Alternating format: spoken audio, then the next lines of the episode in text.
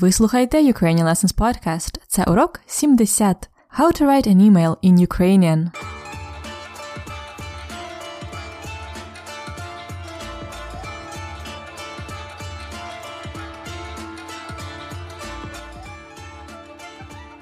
Привіт! Це Анна і новий урок української від подкасту Ukrainian Lessons. Це урок номер 70, і ми закінчуємо черговий етап подкасту. За останні 30 уроків я намагалася трохи розповісти вам про відмінки та показати, як ми їх використовуємо в контексті, в діалогах на різні теми. Якщо ви хочете повторити відмінки, ви можете завжди повернутися до колишніх епізодів або використовувати таблиці в нотатках. Сьогодні на подкасті ми повторимо трохи слова останніх п'яти уроків, а також я розповім вам, як писати листи українською. А наступного разу ми починаємо щось нове на подкасті.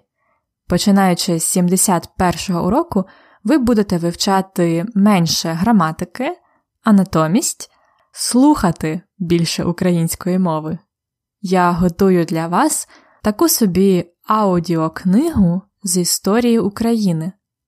Починаючи з наступного уроку, ви будете слухати цю книгу, вивчати нові слова та дізнаватися більше про історію України. Сподіваюся, вам сподобається. Це буде наступного разу. А зараз почнімо цей 70-й урок. So, briefly in English now, it's the episode number 70, which ends one of the stages of our podcast. During the last 30 lessons, I tried to teach you the Ukrainian cases, which was the main grammar focus of the season 2, as many of you find cases challenging to learn. So if you would like to review any case, you can always go back and find it between the episodes 41 and 70. Also, if you're a member, you can review the tables in the lesson notes. In the today's episode, we are going to review some vocabulary from the last five episodes. And also I will tell you how to write a letter or an email, which is the same word, in Ukrainian. And next time we are starting something different. Starting with the episode 71, you are going to be learning less grammar rules, but instead you will be listening to much more Ukrainian. I'm preparing a kind of audiobook for you. It's about the history of Ukraine. So, starting from the next lesson, you will be listening to the parts of this book on the podcast. And of course, I will explain some important vocabulary and structures from it. This way, you will be improving your Ukrainian and discover Historia Ukrainy. I hope you'll enjoy it. This will be starting the next time. And now let's start the 70th lesson. Сьогодні я хочу розповісти вам, як писати листи українською.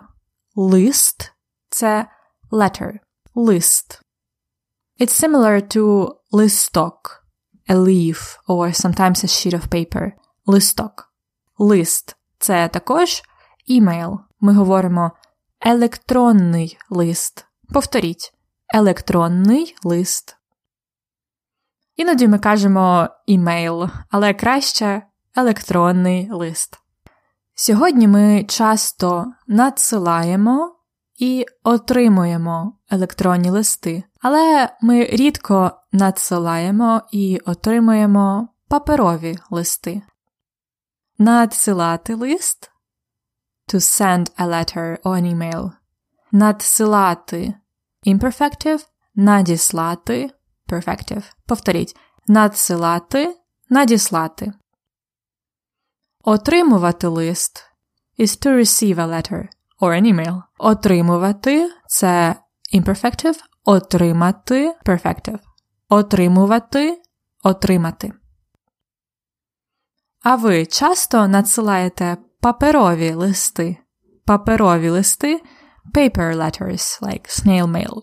Раніше я часто писала паперові листи своїм друзям, тому що це цікаво і весело. А зараз ні, дуже рідко. Але іноді я надсилаю листівки. Листівка a postcard. Листівка. Сьогодні я написала два електронні листи, і зараз я хочу вам їх прочитати. Послухайте листи і дайте відповідь на запитання, який лист формальний, а який неформальний? І чому? Який лист формальний, а який неформальний? І чому? Добре? Слухайте. Перший лист. Привіт, моя люба Інно. Як у тебе справи? Що новенького? Дуже шкода, що ти захворіла. Сподіваюся, тобі вже краще. У мене все досить добре. Я зараз на Азовському морі, відпочиваю з родиною. Купаюся, засмагаю. Чесно кажучи, тут занадто спекотно. Мені більше подобається м'яка погода. Я думаю, що було б класно у серпні піти в похід в Карпати. Хочеш приєднатися? З нетерпінням чекаю, коли ми вже побачимося. Обіймаю міцно, Аня. Другий лист. Шановний Сергію Васильовичу, я хочу записатися до вас на прийом. Мені було б зручно в один з таких днів. У п'ятницю, 30 березня о 14.00, у понеділок, 2 березня о 17.00, у середу, 4 березня з 15 до 18.00. Дякую за увагу. Гарного вам дня! З повагою, Анна Огойко. То який лист формальний? Перший чи другий? Другий до Сергія Васильовича. Це лист до лікаря. Я хочу записатися до нього на прийом. I want to make an appointment with a doctor. Some doctor, we don't know. His name is Сергій Васильович. Це формальний лист, it's a formal email. А інший неформальний перший лист. Перший лист до Інни. Вона моя подруга. Послухайте ще раз перший неформальний лист з моїми коментарями. Я пишу Привіт, моя люба Інно. Привіт, це, звичайно, неформально. Як у тебе справи? Що новенького? У тебе справи. Не у вас, а у тебе, тому неформально. Що новенького? Або що нового? What's new? Дуже шкода, що ти захворіла. Сподіваюся, тобі вже краще. Ти і тобі це неформально. У мене все добре. Я зараз на Азовському морі відпочиваю з родиною, купаюся, засмагаю. Чесно кажучи, тут занадто спекотно. Мені більше подобається м'яка погода. Я думаю, що було б класно у серпні піти в похід в Карпати. Хочеш приєднатися? Було б класно. Класно це неформальне слово. Воно означає cool, awesome. Було б класно. It would be great. It would be awesome. Я думаю, що було б класно у серпні піти в похід в Карпати. Хочеш приєднатися? You wanna join? З нетерпінням чекаю, коли ми вже побачимося.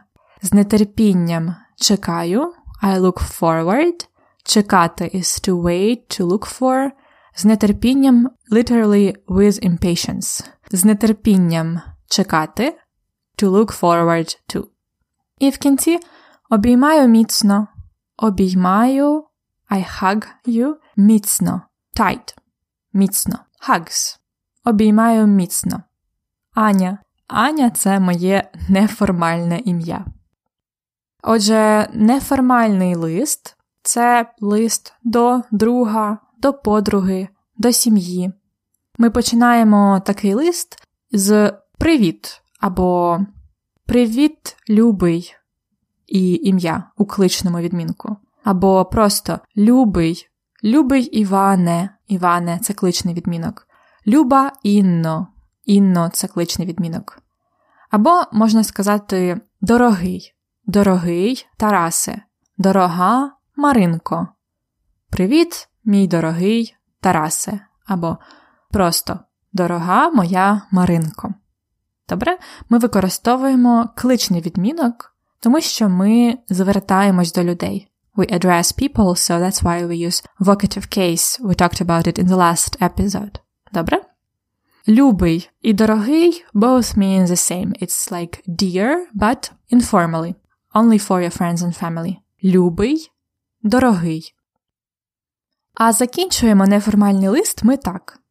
Наприклад, я скучив. I missed you. Я скучив. Це коли говорить чоловік. Або Я скучила. I missed you, коли говорить жінка. Обіймаю. Hugs. Цілую. I kiss you. Kisses. Цілую. І так далі. І тоді ваше неформальне ім'я. Наприклад, моє формальне ім'я Анна, а неформальне, ви знаєте? Аня. Це як називають мене мої батьки, або Гануся, так називають мене мої друзі. Це мої неформальні імена. Добре, а тепер послухайте ще раз формальний лист. Шановний Сергію Васильовичу. Шановний або шановна це формальне dear, literally respected, шановний, шановний або шановна. Ви можете також сказати Добрий день, шановний Сергію Васильовичу. Я хочу записатися до вас на прийом. Мені було б зручно в один з таких днів. Записатися до вас. До вас це формально, до тебе неформально. І далі є список днів, коли мені підходить записатися на прийом. Наприклад, у п'ятницю 30 березня о 14.00, або у понеділок, 2 березня о 17.00, або у середу 4 березня з 15 до 18.00. These are the options of this appointment. I give these options to the doctor. І далі я кажу дякую за увагу. Thank you for your attention. Гарного вам дня. I say вам, тому що це формально. І закінчую лист з повагою. Формально. Анна Огойко. Моє повне ім'я. My full name. То ще раз, як ми починаємо формальний лист? Можна сказати Добрий день, пане Сергію. Або Добрий день Сергію Васильовичу. So we can either use пане Сергію, like Mr, або пані, like Mrs or Miss, пан, пані, or in Ukrainian we often use patronymic, which is the uh, name by the name of the father. Васильович is по батькові, patronymic. And we also put it in vocative when we address a person. So we say Добрий день Сергію Васильовичу. Можна також шановний пане Сергію або Шановний Сергію Васильовичу. І дуже-дуже формально буде вельми шановний. Це одне слово. Вельми шановний пане Сергію. Вельми шановна Олено Володимирівно. Вельми шановний це very well respected. So це людина дуже важлива. A very important person. Maybe a president or someone like that. Добре? So as you see, we can start the letter or an email either with a, a greeting, добрий день, шановний, або добрий день і ім'я, or just with шановний, шановна. А закінчуємо формальний лист так. З повагою. З повагою, literally with respect. It's probably the most common way to finish the letter. It's like sincerely yours. З повагою. Або з найкращими побажаннями. With the best wishes. З найкращими побажаннями. Або щиро ваш, або щиро ваша. Literally, sincerely yours.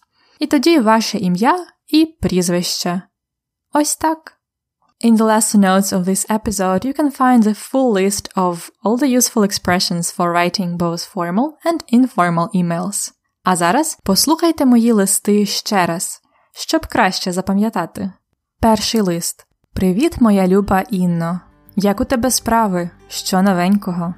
Дуже шкода, що ти захворіла. Сподіваюся, тобі вже краще. У мене все досить добре.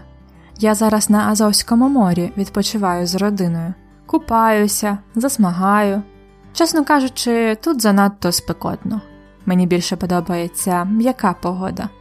Я думаю, що було б класно у серпні піти в похід в Карпати. Хочеш приєднатися? З нетерпінням чекаю, коли ми вже побачимося. Обіймаю міцно, Аня. Другий лист. Шановний Сергію Васильовичу, я хочу записатися до вас на прийом. Мені було б зручно в один з таких днів: у п'ятницю, 30 березня о 14.00, у понеділок, 2 березня о 17.00, у середу, 4 березня з 15 до 18.00. Дякую за увагу! Гарного вам дня!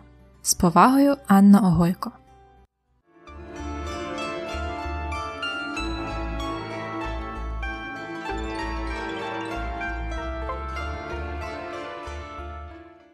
Час практики на подкасті.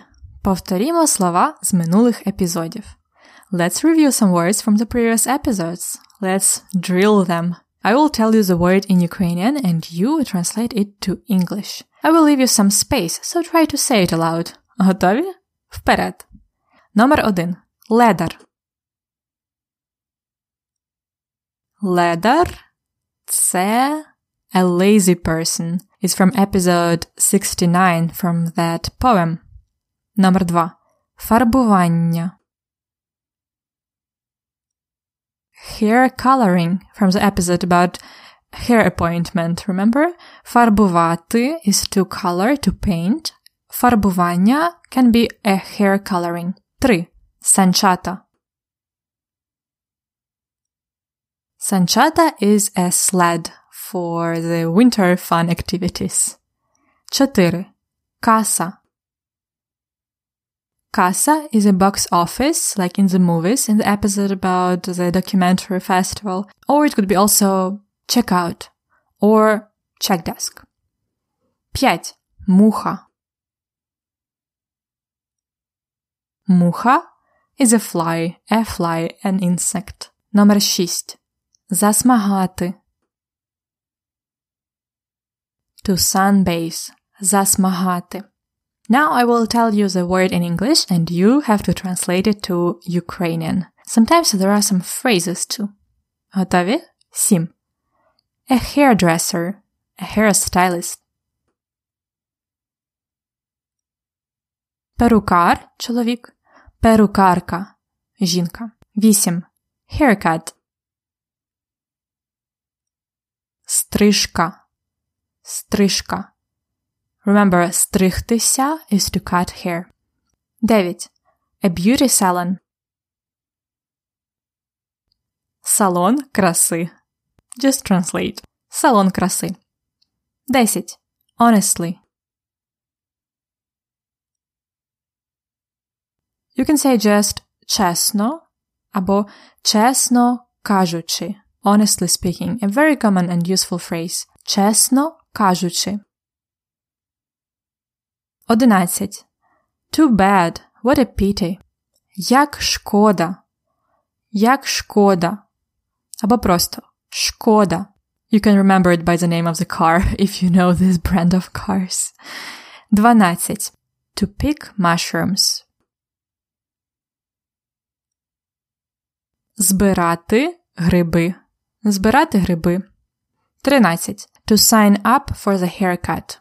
To make an appointment, or literally in Ukrainian, to sign up for the haircut.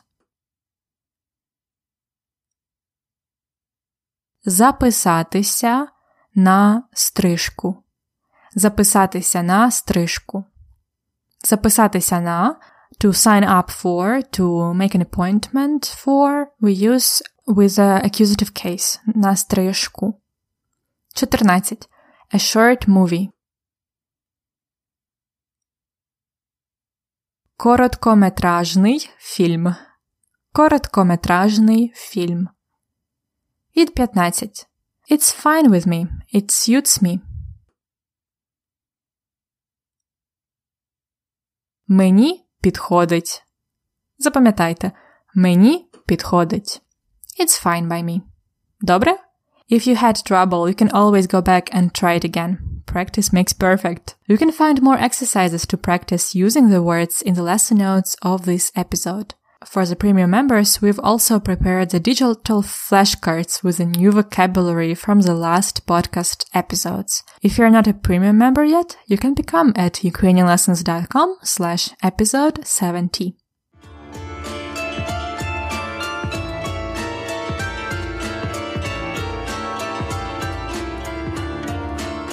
Культурний факт на подкасті.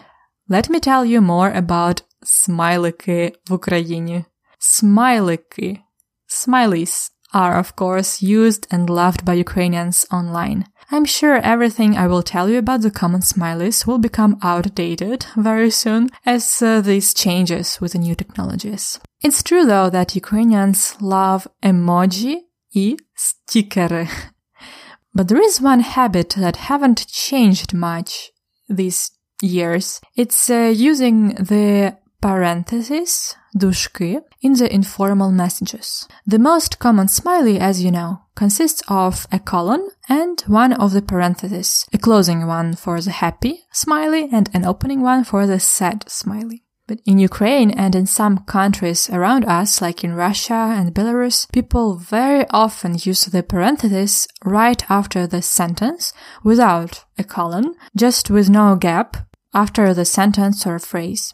So, for example, if someone told you something somewhat interesting, you can respond kruto. Kruto means cool or awesome or great in, in the very informal way. So if you write kruto and add a parenthesis, like a closing parenthesis, like a part of the smiley, it usually means a neuter kruto, just like, okay, it's awesome, but nothing too special. Kruto with two parentheses, two in a row, means that's quite cool. Kruto. Kruto with three parentheses means really cool, great, awesome. Kruto with four or more parentheses means it's so cool that it makes you smile or laugh. Dobre. So in this way, Ukrainians sometimes express their feelings online, but the problem is that some people use it too much after nearly each sentence, so it can get confusing of what they really feel. and I guess that's just like with using too many smileys. So if you are chatting with a Ukrainian person informally, you can try to use one of uh, those parentheses without a colon just from time to time and you will sound or look like a local. However, don't use them too much, because in my opinion, it just doesn't look neat when there are too many. Usually teenagers put too many, so don't use them too much. І я бажаю вам писати багато-багато щасливих смайликів і мало-мало сумних.